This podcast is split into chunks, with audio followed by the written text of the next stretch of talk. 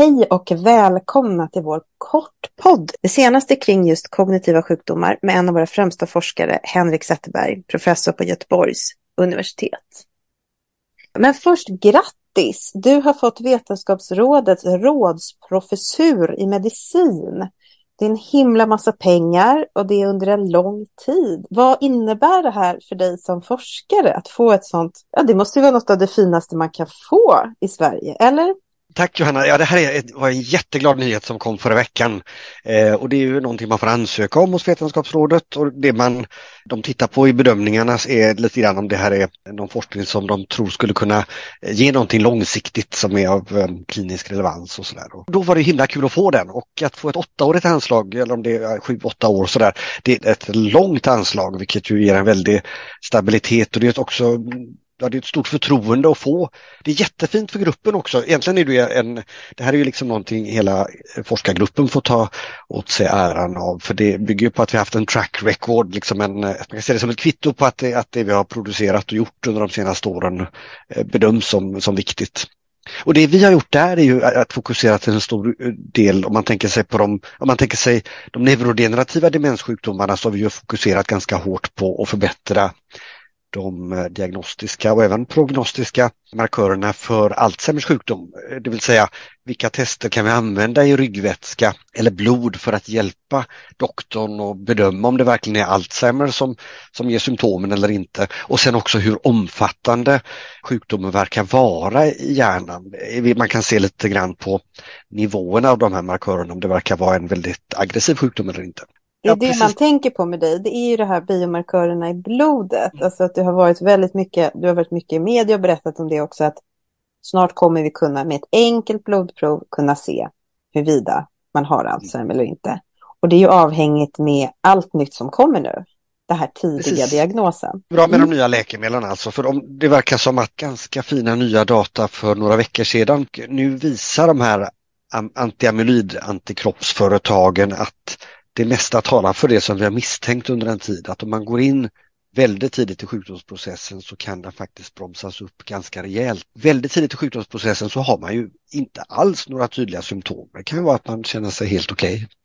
Okay. Det kan också vara att man har en lätt, lätt närminnesvikt som kanske man grunnat över lite grann sådär. Det är väldigt svårt att då ställa en riktig diagnos om man inte har de här molekylära verktygen.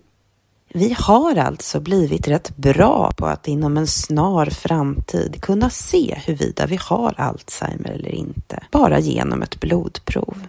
Men samma sak gäller inte för de andra mer ovanliga kognitiva sjukdomarna.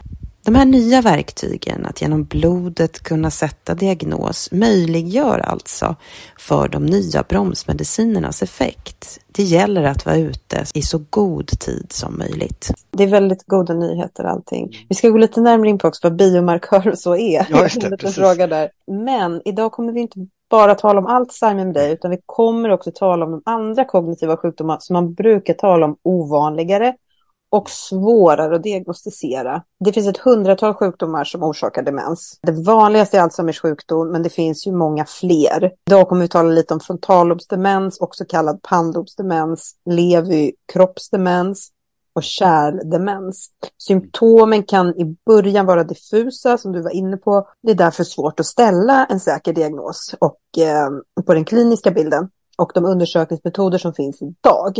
Är det ovanligare det här eller Tror du att det bara kan vara svårare att diagnostisera dem? Kan man säga någonting om det? Kliniskt är de ju ovanligare vad gäller eh, om man jämför eh, symptomatologin och sådant. Så, men om man tänker sig våra minnesmottagningar i Sverige så är ju det är lite olika på olika ställen i landet, vilket är lite konstigt. Men på specialistmottagningarna så är, är majoriteten vanliga Alzheimer-patienter, men det är, inte en, det är inte en liten andel som har de andra sjukdomarna. Hur visar sig då dessa mer ovanliga kognitiva sjukdomar i våra hjärnor och i vad vi upplever?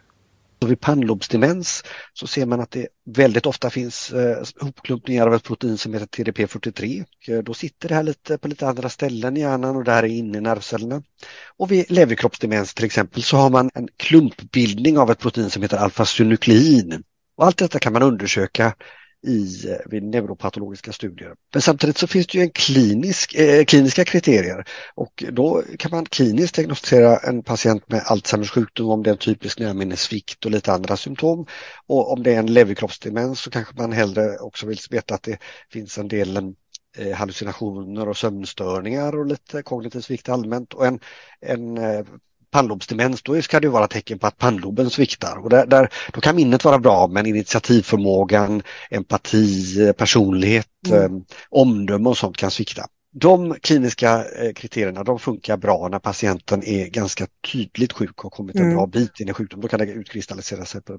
Men det, de är jättesvåra i början av de här sjukdomsprocesserna. Och det är där som vi vill veta om vilken vilka underliggande molekylära förändringar finns det hos patienter med tidiga symptom på någon form av hjärnsvikt?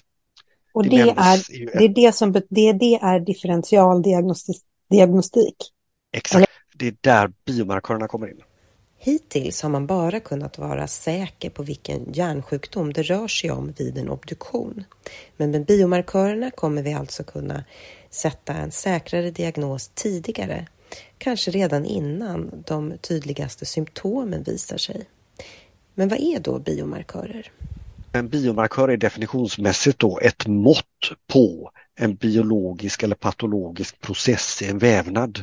Mm. Eh, och eh, biomarkörer kan vara eh, till exempel att man avbilda hjärnan och också sprutar in ett ämne som binder till amyloida plack och eh, är lite lätt radioaktivt så man kan se de amyloida placken på en PET-kamera. Det kan vara att man gör en ryggvätskeundersökning och mäter upp de här proteinerna och ser förändringar som korrelerar med hjärnvävnadsförändringarna. Och det som har kommit på sistone är att vi också då kan göra blodtester. Men för de andra sjukdomarna där det är TDP43 och alfasynuklin och sådant, där är vi inte där ännu. Och det här nya projektet som, som Vetenskapsrådet eh, eh stöttar nu, det kommer att vara att försöka förbättra eh, eh, utveckla förbättrade vätskemarkörer. Vi börjar förstås med ryggvätska som vi har gjort för Alzheimer, men sen försöker vi, ska vi försöka gå in mot blod för att kunna hjälpa till att diagnostisera de här andra hjärnförändringarna.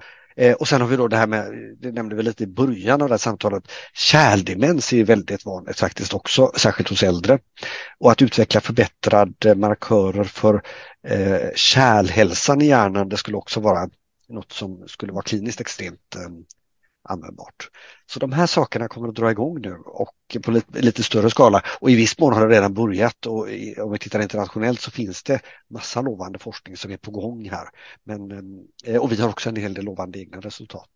Eh, mm. Men ingenting är liksom lika nära klinisk implementering som, som Alzheimer-markörerna i blod. Nej, jag förstår. Men det måste vara eh, roligt och um, bra, kännas bra att kunna göra någonting även för de här mer ovanligare men hemska sjukdomar eller hur man ska säga, men som ofta hamnar i skymundan av Alzheimer. Väldigt, väldigt tydligt också när man är ute och pratar med eh, anhörigföreningar och sådant att det är väldigt lätt att stå och prata om Alzheimer och att det faktiskt får en liten positiv spin och sådär. Och så blir det, kanske man går igång på det och pratar en massa om det och så på frågestunden så kommer det upp lite frågor om men hur är det nu om det inte var, det är en demenssjukdom, men det var det, i, i min anhörigs fall visade det sig vara pannlobsdemens. Och då har det varit lite tråkigt att säga att ja, då är vi lite osäkra mm. på vad vi ska göra.